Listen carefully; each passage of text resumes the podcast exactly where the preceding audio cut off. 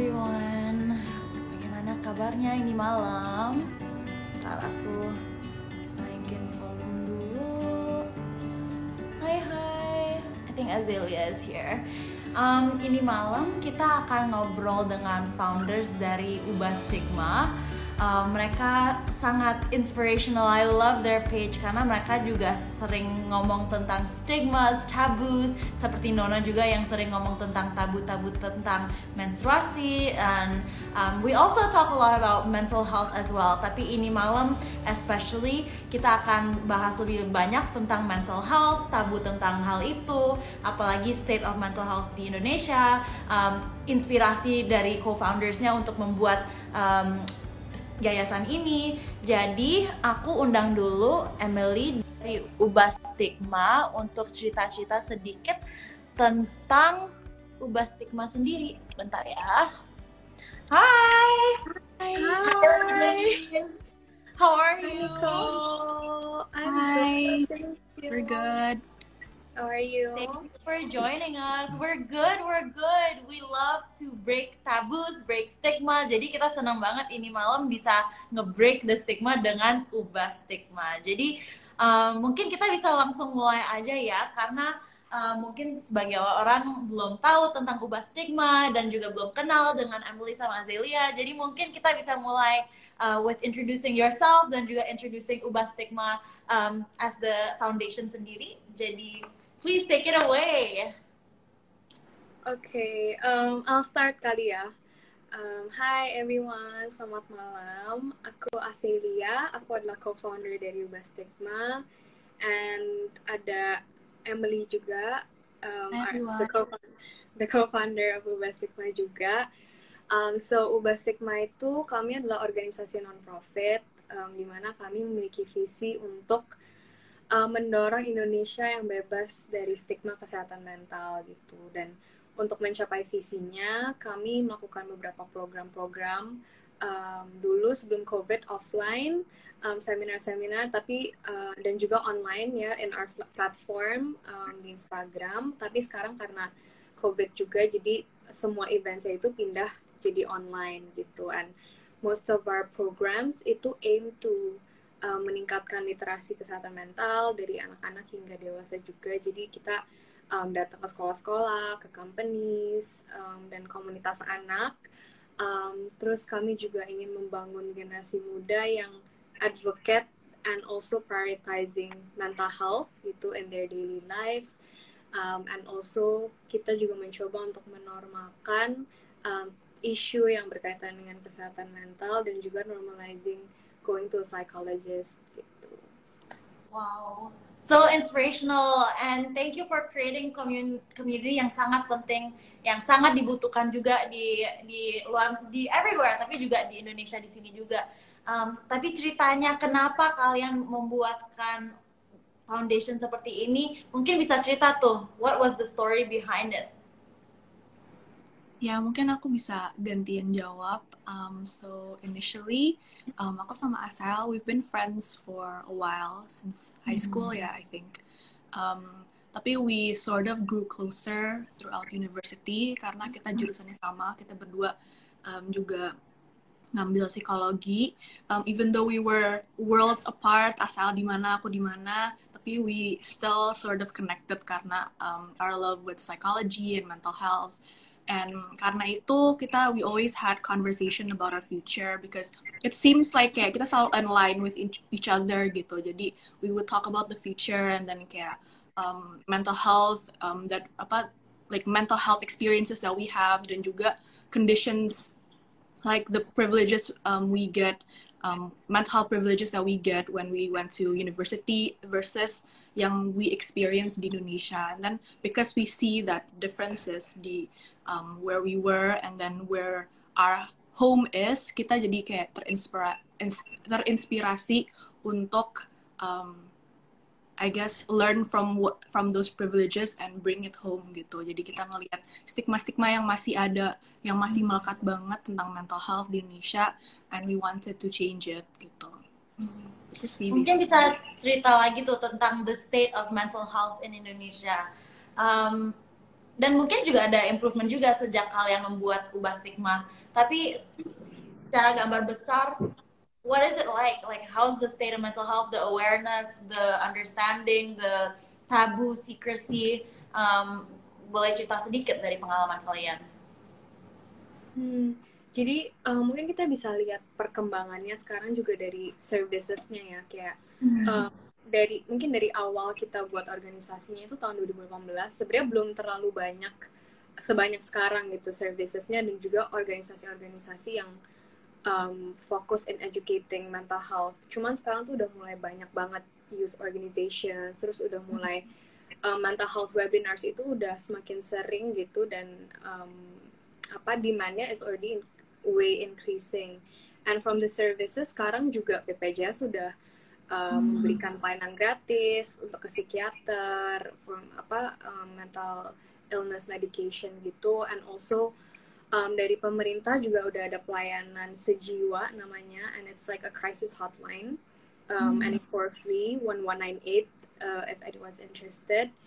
Um, iya sih, and there's more business yang juga fokusnya uh, memberikan pelayanan um, kesehatan mental gitu sih. Jadi I think the awareness udah way much dari um, pas kita bangun hmm. gitu. Tapi juga I think something yang now that everyone's aware, some people um, tend to self-diagnose juga gitu. Hmm. Jadi I think itu sesuatu yang juga a challenge ya untuk mental health organizations kayak bagaimana kita membalance um, edukasi tapi juga um, encourage orang-orang untuk tetap berpikir kritis gitu saat membaca informasi-informasinya. Hmm.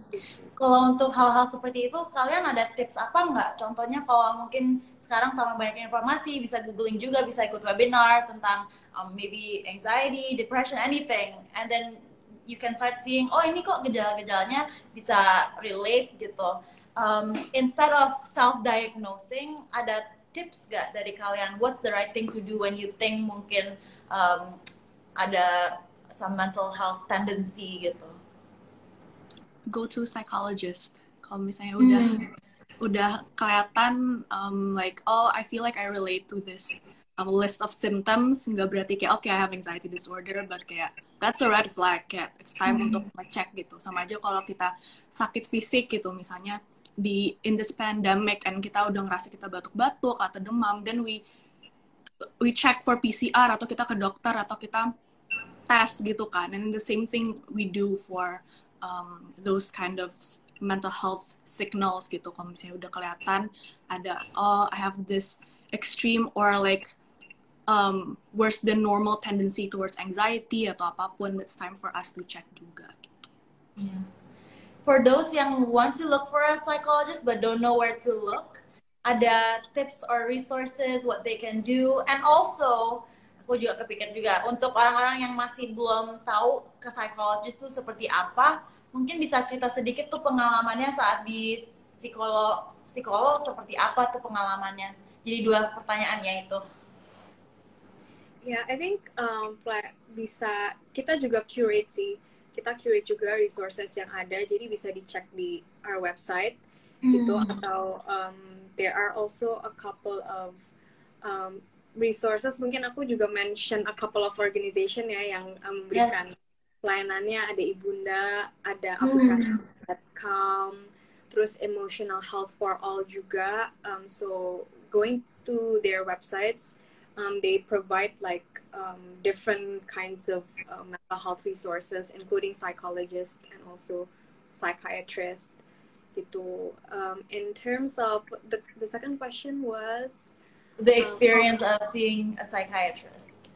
Yeah, um, I guess um, going to a psychologist itu sebenarnya emang psychologist is not there to solve our problem. Jadi mereka nggak di sana untuk menyelesaikan masalah, tapi mereka um, lebih mencoba untuk mengerti kita gitu. Jadi um, the process um, mungkin akan awal-awalnya banyak ditanya-tanyain sama psikologisnya. Untuk psikologisnya lebih juga lebih mengerti masalah yang kita miliki itu apa sih terus kira-kira triggernya apa. Lalu nanti sesuai dengan harapan kliennya juga um, tujuan dari sesinya tuh mau apa apa sih yang kamu sebenarnya mau coba untuk pecahkan nih masalahnya kita Hmm. lakuin bersama-sama gitu jadi it's a collaborative process between the client and the therapist gitu and it's not gonna be an instant fix juga ya. Jadi ini hal-hal seperti ini a commitment yang you get to know yourself more and it's a journey juga ya. It's not just the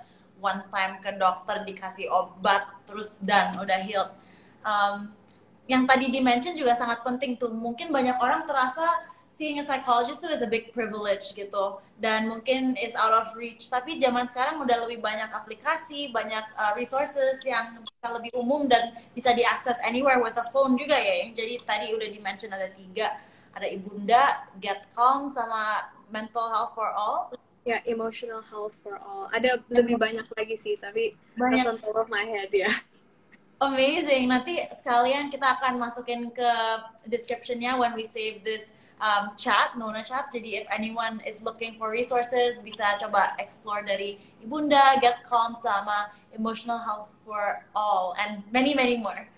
Um, maybe moving on, kalau in terms of general apa mental health things that you see, yang paling umum apa aja kira-kira?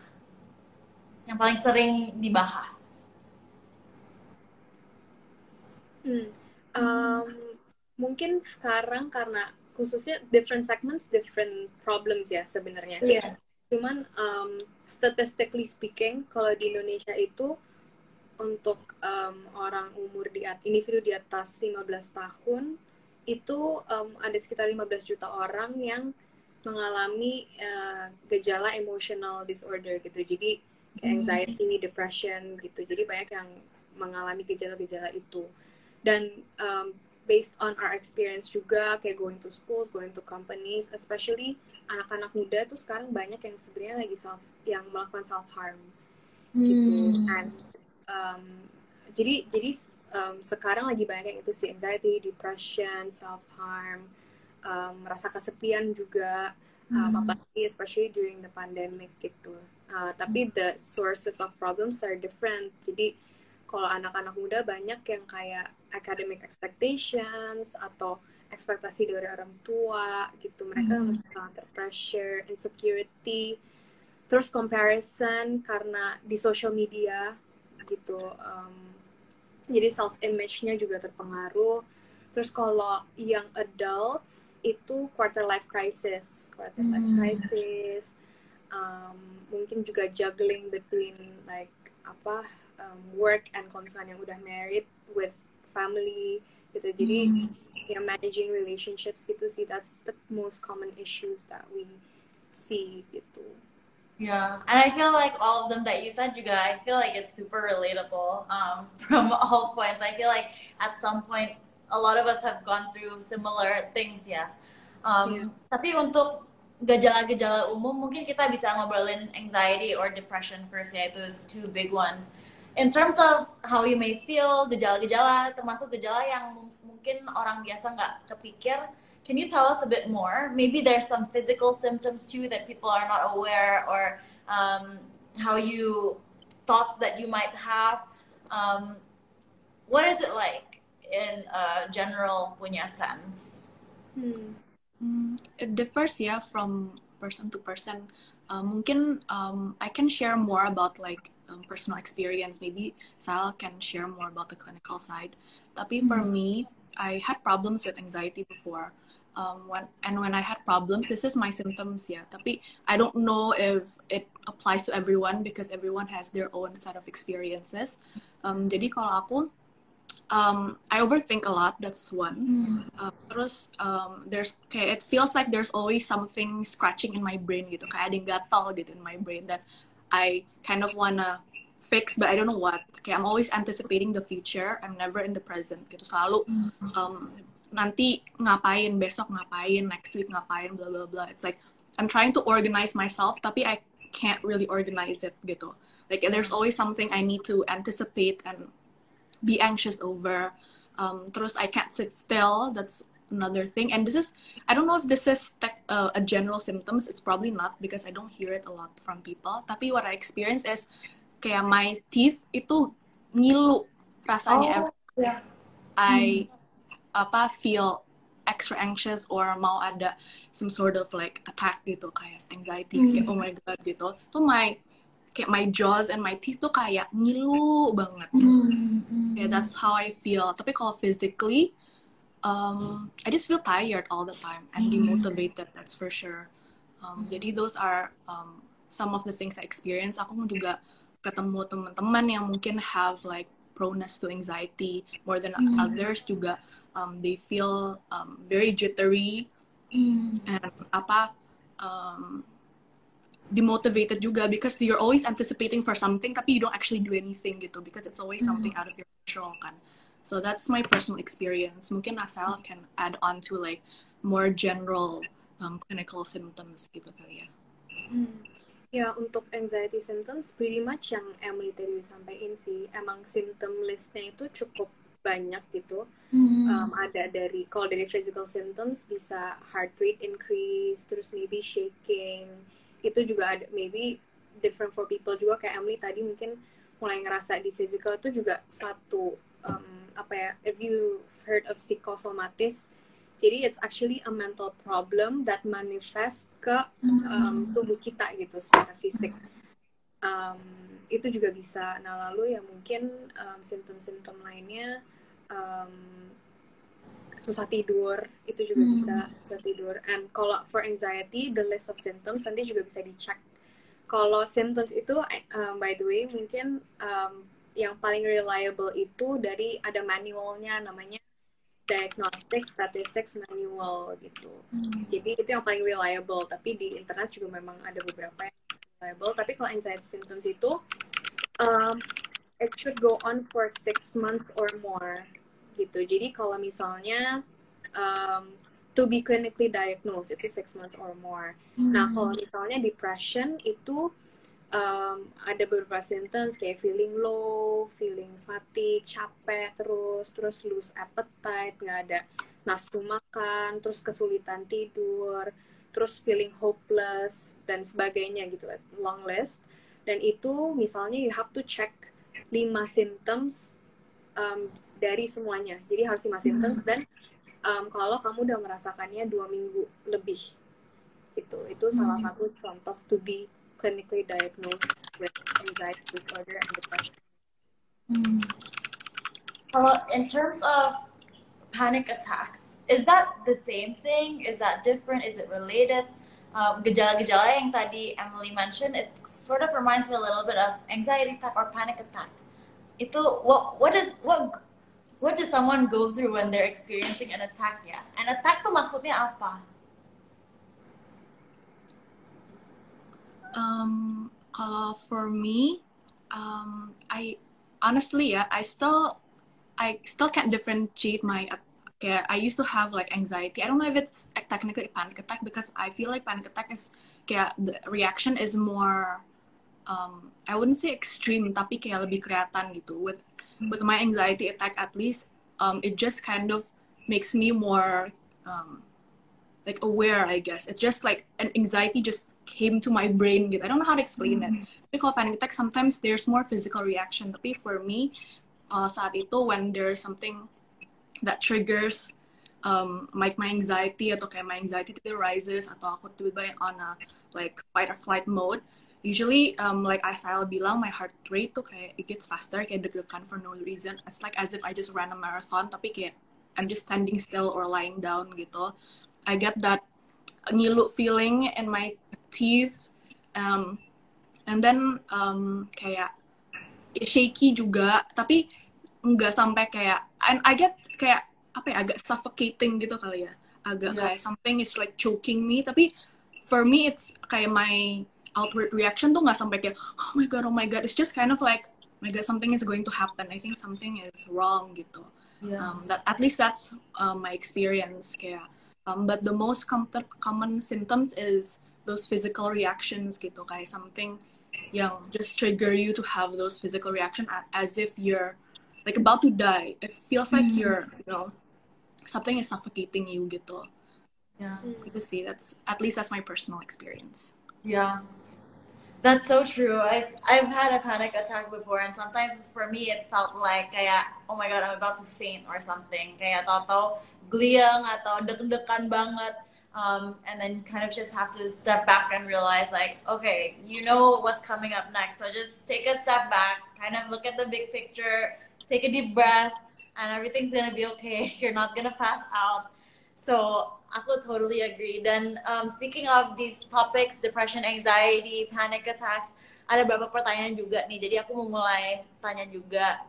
Um, tentang maybe if you have a friend who you see is having the symptoms that you just mentioned bagaimana kita bisa support teman itu yang mungkin lagi going through depression, anxiety, and some other uh, and for any other mental health illness too.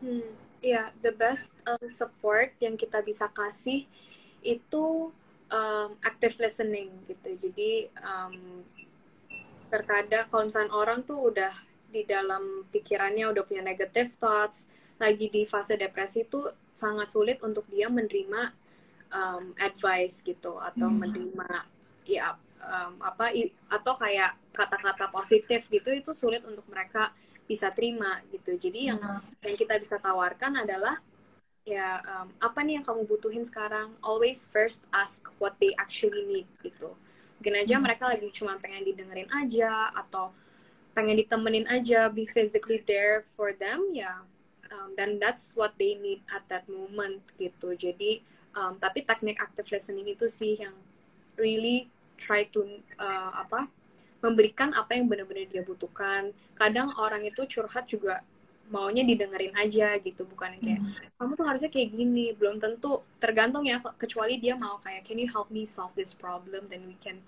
maybe sama-sama cari jalannya gitu. Tapi kalau enggak ya just be there for them. It, it means a lot already gitu. Hmm.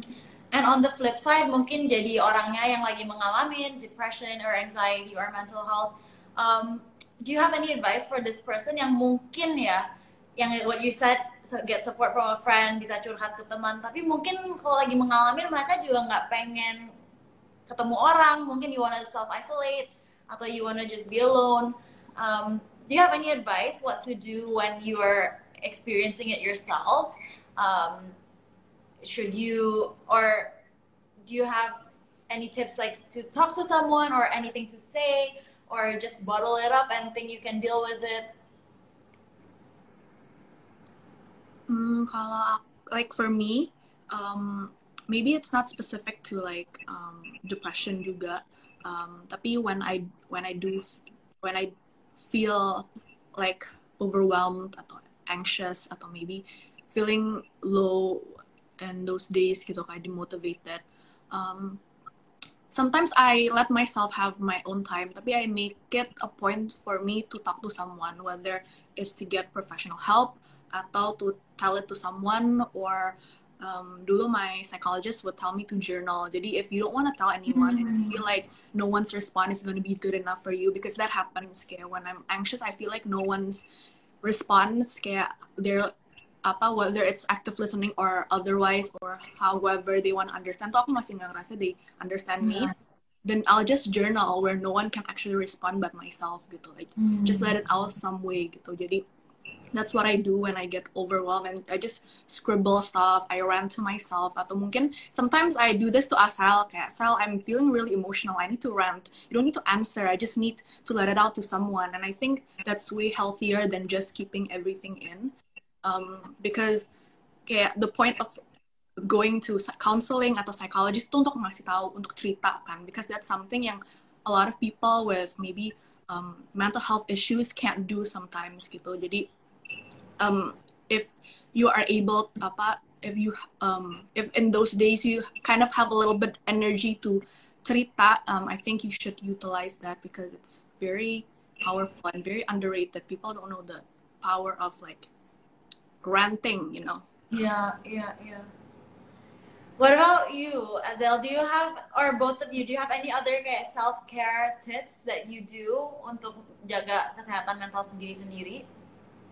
Hmm, uh, yeah, I do things that um, makes me happy lah ya, that uh, boost my mood. Tapi, but then again, it comes to like um, you knowing yourself juga what you like, what you actually enjoy gitu and um, so what I do is normally I spend my time with my family and friends. Yeah. to just have a good laugh. Um, I also like to eat. Jadi kalau misalnya udah mulai stres coba cari makan pergi ke restoran try different apa different uh, new restaurants gitu around or watch Netflix sih. For me. Nah, speaking of the people you surround yourself with, friends, um, influences yang lain, aku ada pertanyaan satu lagi nih yang aku mau post ya. Um, terkait healthy boundaries. Jadi mungkin you might have toxic influences too, mungkin ada orang yang triggers you. Um, kalian ada tips-tips apa nggak untuk men untuk menetapkan healthy boundaries? Dan kapan boundary ini diperlukan? Hmm yeah, I think pertama-tama kita mesti tahu sih nilai kita tuh apa, what kind of um, values apa yang kamu pegang untuk diri kita pegang untuk diri kita um, dan dan kita juga mesti melihat bagaimana teman kita atau the relationship that we have itu membantu kita untuk um, become a better individuals better individual ourselves atau apakah sama nih nilai-nilainya juga sehingga kita bisa ke arah yang lebih positif gitu. Jadi kita harus mengenal dulu nih orang-orang seperti apa sih yang I wanna surround myself with and I think it's also important to note that the people who you hang out with um, itu akan form who you are juga at the end of the day gitu. So yeah. we need to really understand we we really need to know um, our own boundaries sih sebenarnya. So like it comes back to ourselves healthy boundaries itu maksudnya apa buat kalian? Gitu. Totally agree. I think the people you surround yourself with are really the people who shape you as a person. Jadi itu penting banget ya pilih-pilih. Not only people but juga social media who you're following. Kadang itu juga bisa jadi trigger juga and sometimes it's important to make sure you're following the people that makes you feel good. And to unfollow or just mute the people who don't. Um, aku juga oh ada satu lagi. How do you know when to seek professional help? Hmm. Um, there's no itu sih, yeah, there's no clear signs. Like one of it is when you start, if, when you start self-diagnosing yourself. That's when um, you have to go to a psychologist like um, say if you see like a mental health post about anxiety disorder or depression and you feel like you relate to it at some point um, that's also a clear indicator. Um, and then kayak self reflection aja sih like if you are feeling um, these days kayak aku ngerasa I get more anxious than normal and it's been going on for a while. It's been two weeks. I've been having these recurring thoughts atau misalnya unhealthy um, stress or burnout or whatever it is sebenarnya there's no there's no limit to going to psychologists kayak to be honest kayak sometimes you can go to psychologists just to check up on yeah. you to heal past traumas even though it doesn't really kayak show now tapi there's a lot of different apa reasons for you to go to psychologist and it doesn't always have to be because your mental health is getting worse atau you're seeing um, signs gitu um, at least that's um, what I think yeah because I think kayak a psychologist gitu psychologist ya in particular atau psychiatrist mungkin in a more medical side kan karena they do prescribe medicine. Jadi pas at that stage um, it's kind of uh, you kind of already have like a, uh, a clear diagnosis gitu of what you're going through and the mental health issues that you have. Tapi for a psychologist and untuk kayak check up aja tuh sebenarnya bisa gitu to see um, how you're doing and how you're coping and maybe self improvement gitu. Gitu sih that's what I think.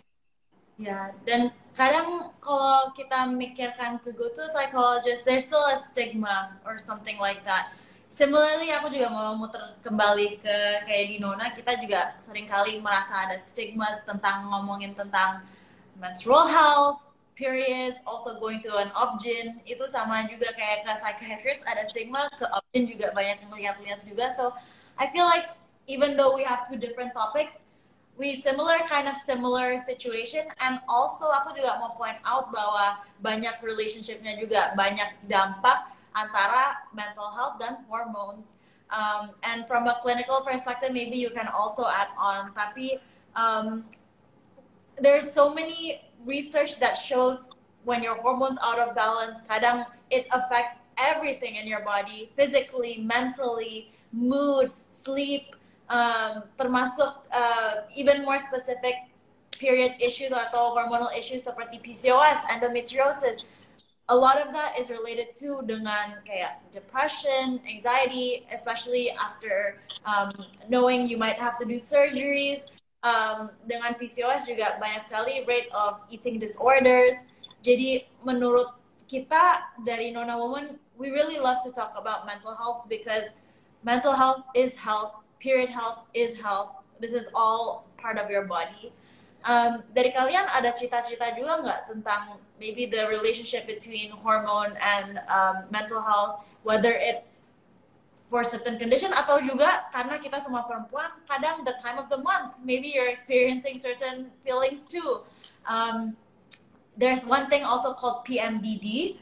Jadi itu is when some people are PMSing, some people experience PMDD, which is um, an even more uh, extreme case of PMS, premenstrual depression dis depressive disorder. Jadi during that time of the month juga malahan mengalami a depressive state too because of your hormones. So it's very very related. And aku pengen tanya kalau ada tambahan atau ada information dari kalian yang uh, terkait hormones, mental health, um, and whether it's the chemical side or the emotional side. Um, yeah, tell us what you know. I think maybe sebenarnya aku um, I didn't grow up really learning about like period gitu because we don't really uh, open we don't really Oh. discuss it in my home in my school juga enggak gitu. And like maybe based on my experience aja kali ya. Um, pas SMA SMP SMA uh, when I apa in the period yang I mulai datang bulan itu I actually didn't experience like physical symptoms. Jadi aku nggak Mhm. merasa sakit atau um, I also didn't track my period. Jadi I didn't understand tuh kayak my mood itu whether it was affected by like by period whether it was PMS or not gitu. Cuman I myself actually had the stigma karena I I saw like my friend making excuses kayak oh I can't do my work today karena um, I'm having um, apa PMS juga and my mood is so low gitu. And since I feel like I didn't experience it myself jadi I thought kayak you know itu itu nggak nggak nggak beneran lah gitu tapi until I as I grow older for some reason I started to experience the physical symptoms and and then I started um, tracking my period and then I realized I had like moments where I was I had like low mood and then I get super cranky without any reason. Gitu. I just feel like not doing any anything and then I start to realize that there's a pattern kayak oh itu PMS PMS mood gitu. so from then on my perspective started to change and I start to like find posts about um, period gitu how it's affecting me the hormone imbalances. I started like asking my mom how i can treat it the kind of self-care gitu because i start to feel that it really affects my with my mood it starts to affect my interpersonal relationship and also the way i work juga kan akhirnya kayak uh, i just don't want to do stuff gitu which what my friend was experiencing then.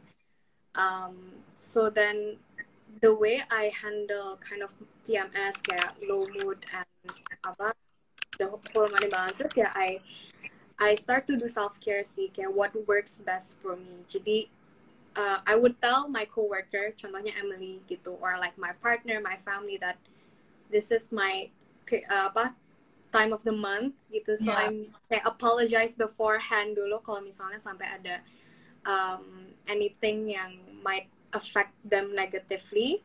And also I think karena kita um, juga memiliki tanggung jawab kan dalam pekerjaan kita. Dan kita kan nggak bisa uh, apa ya gak bisa use that as an excuse juga gitu. And as a woman we want to reflect good leadership juga. Ya we have to be able to um, manage lah manage our emotions juga. So I just do self care gitu. Misalnya lagi that time of the month ya I um, do, uh, sleep lebih teratur. Terus aku kalau misalkan lagi memang mau makan ya makan aja gitu. Aku nggak tahan-tahan kalau makan.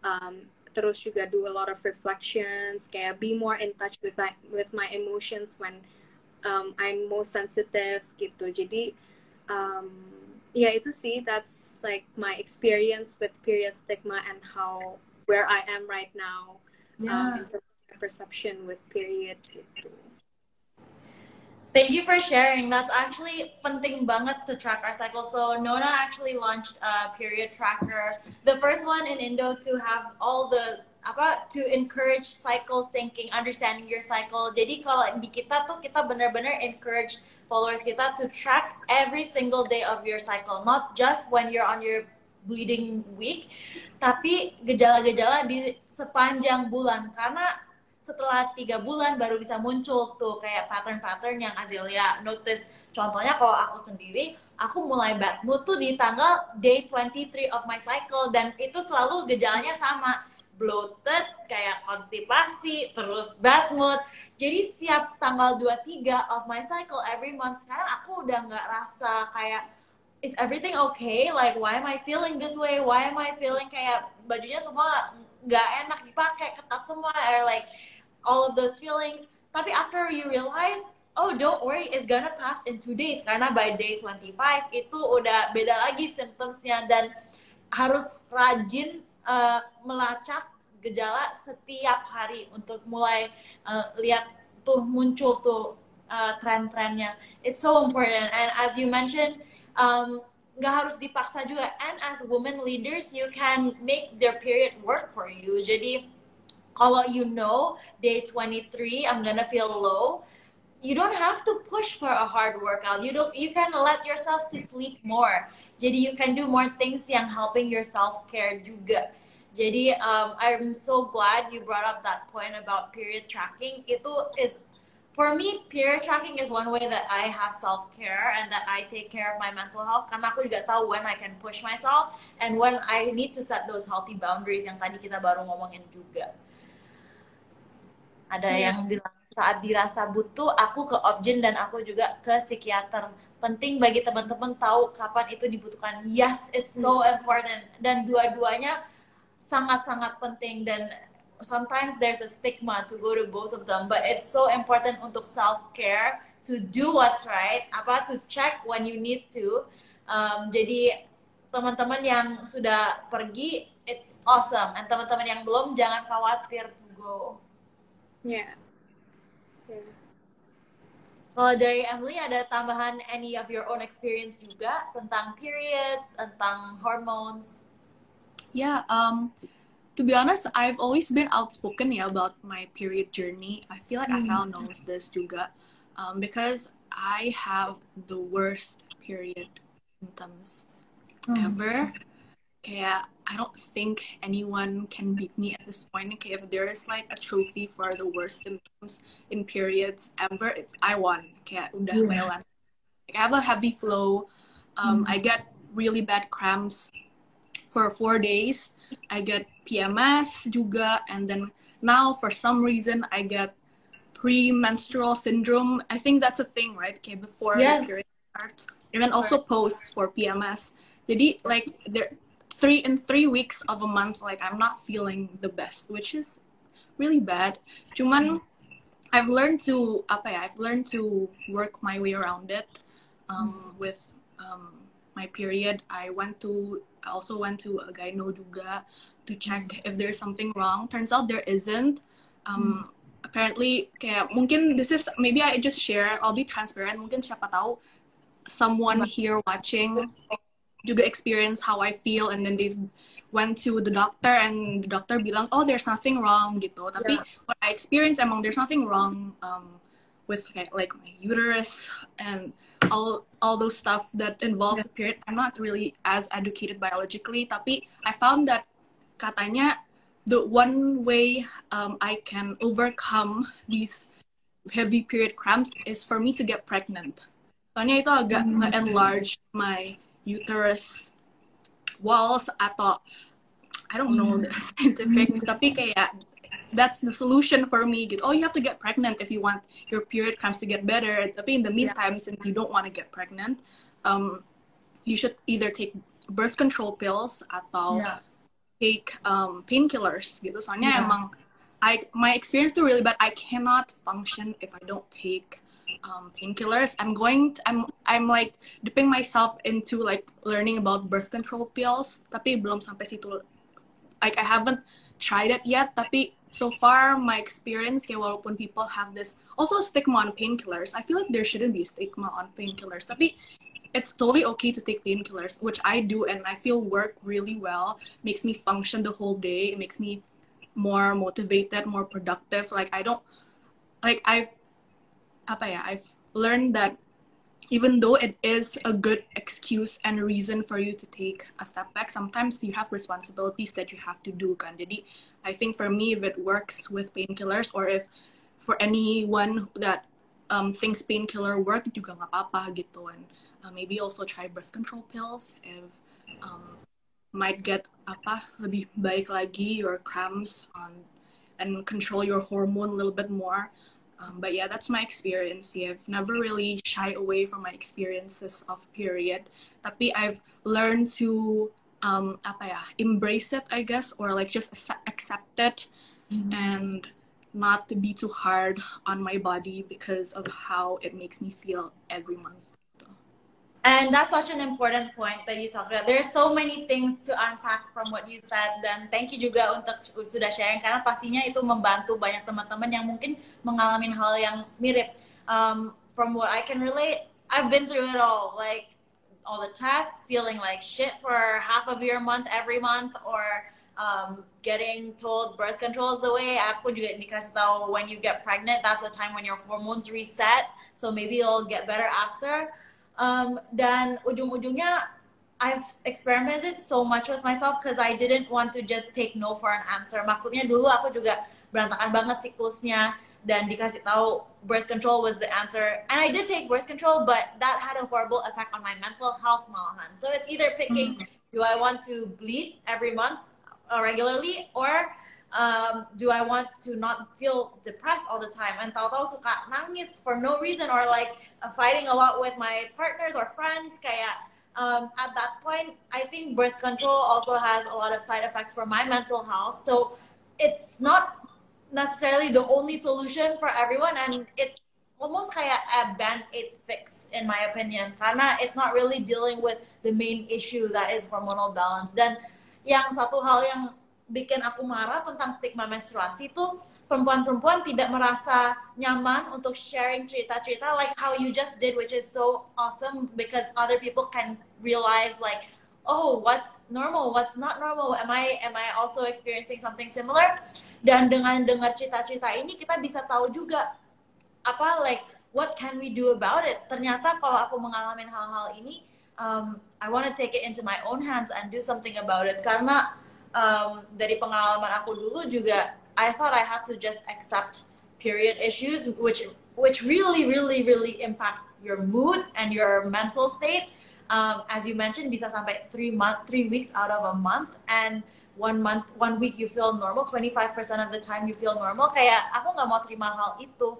Dan dengan uh, memprioritaskan keseimbang hormon dan kesehatan hormon dan juga as a consequence and maybe both of them together chicken and egg problem juga your mental health you can do something about it jadi um, di Nona kita selalu kasih tahu tips how we can balance out our hormones, maintain our hormones. Yang dulu aku juga when I was PMSing, I would eat the entire kitchen, like I would get mad at everyone. Aku bisa kayak um, really not stable, and um, it is possible for us to balance our hormones secara lebih natural without getting pregnant, without having to take birth control. Um, dan side effects-nya once you have a more stable and regular hormonal cycle, your mood juga akan get better, all your physical symptoms will get better. And so for us it's so important to talk about things like mental health, like menstrual health karena bisa tahu juga um, seperti kalau mental health um, if I'm feeling down mungkin aku harus cek ke psikiater mungkin aku bisa lebih banyak self care karena aku tahu ada lebih sadar tentang hal ini seperti itu juga sama kalau aku lagi mengalami gangguan hormon yang mungkin orang tidak sadar karena tidak pernah diomongin juga ya. Um, sebenarnya you can do something about it kayak bisa ke objek juga bisa melakukan tips atau habits untuk bikin um, self care-nya untuk hormone so for us it's so so so related antara mental health and um, reproductive health. Jadi um, it's really important for everyone to share their stories. Maybe what works for someone may not work for another person but at least you know that you're not alone. And sebagai perempuan um, you can make your period work for you. It doesn't have to be like you're suffering for 75% of the year gara-gara um, gejala-gejala menstruasi ini. Um, jadi itu sedikit sharing juga dari Nona. And I think I, I really love as well how Nona is doing this Insta live chats gitu karena memang salah satu cara untuk kita merubah stigma yeah. about certain topic itu is to listen to another person's story juga gitu yeah. their experience that's how um, normalizing a certain topic can be effective gitu. So it's really great what Nona is doing. Thank you guys. Kita setuju banget. It's so important. We really like to invite perempuan-perempuan yang inspiratif, yang role models and different aspects. Kayak mungkin dari industri-industri beda, ada yang journalism, ada yang mungkin um, from tech world, from marketing world, and of course from mental health world. Karena itu juga hal yang sangat important dan terkait dengan kita. Um, and also founders, female founders like yourself, to hear their journey um, as a role model. Karena untuk kita kalau mendobrak stigma menstruasi juga bisa membantu women's empowerment. And that's why we love having so many other strong female founders, female players in the in the world um, yang bisa inspiratif. And they all have a period story. Jadi mendengar mendengar bahwa semua perempuan-perempuan ini tuh juga ada mengalami menstruasi it makes it a little bit less demystified. Um, and we love hearing about people's mental health journey too because again itu terkait banget. Hmm. gitu. Mungkin sebelum kita tutup ini malam kalian ada advice apa nggak untuk followers yang lagi nonton sekarang? Can be about anything. Uh, mental health phys- physical health reproductive health anything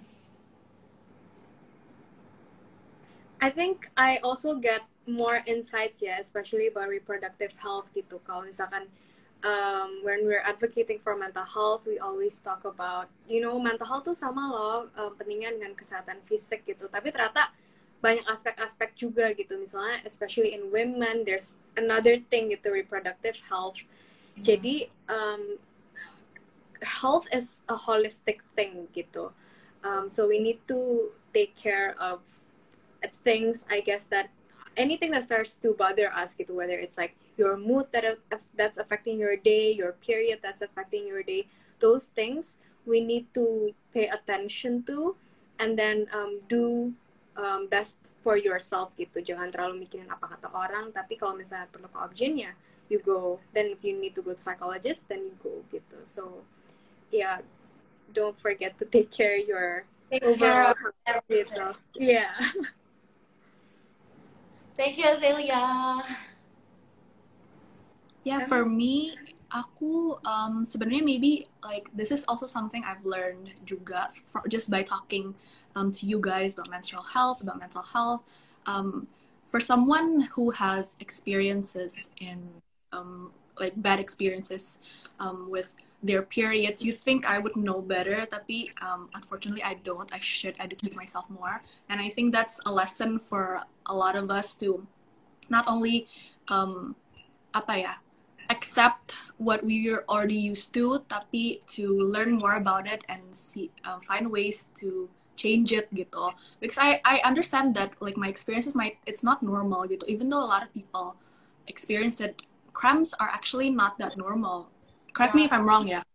Um, Betul having banget. like yeah, having period cramps is not normal apalagi kalau misalnya udah severe and udah um, ngeganggu your productivity, your motivation yeah. dan lain-lain. Jadi um, same with your mental health. If you're already finding signs, don't just suppress it. Don't just um, be like, oh, this is my day to day. I'm always sad. I'm always anxious. This is just me um, because you're just so used to that negative feeling. You have to um, I guess love um, yourself by just taking care of yourself gitu whether it's your mental health and kayak kata Asael kan health is holistic. So if you take care of your mental health you also have a better mindset and taking care of your reproductive health your physical health. Sama aja if you take care of just one aspect you'll have um, a better outcome in all of them gitu. Betul banget. And it's so similar. It turns out after this whole hour of talking ternyata mental health sama reproductive health banyak banget yang kayak paralel gitu ya. So I'm so glad kita bisa dapat kesempatan untuk mengundang Ubah Stigma untuk ngobrol ini malam. So thank you both ladies so much for sharing your experience, opening up honestly, transparently, dan pastinya itu sangat membantu untuk teman-teman kita yang lagi nonton. Um, and of course nanti kita akan save ini ngobrolan dan kita akan leave um, akan tag Ubah Stigma. Jadi kalian yang mungkin mau tahu lebih banyak tentang mental health juga bisa ikut follow mereka. Banyak sekali resource-resource di sana termasuk di websitenya juga dan sering ada webinars and events. Semoga kalau udah bisa offline lagi uh, bisa ramai dan ketemu banyak orang yang juga prioritizing their overall holistic health. So um, without further ado, aku mau terima kasih lagi ke kalian berdua untuk sharing-sharingnya ini malam. Um, and listen to the both of their tips to never take no for an answer and also to take care of your whole holistic health. So thank you, ladies. Thank, thank you. you. Oh, thank you, Nona. Thank, thank you. you. Bye. Stay safe, kalian. Thank you semuanya udah ikut nonton.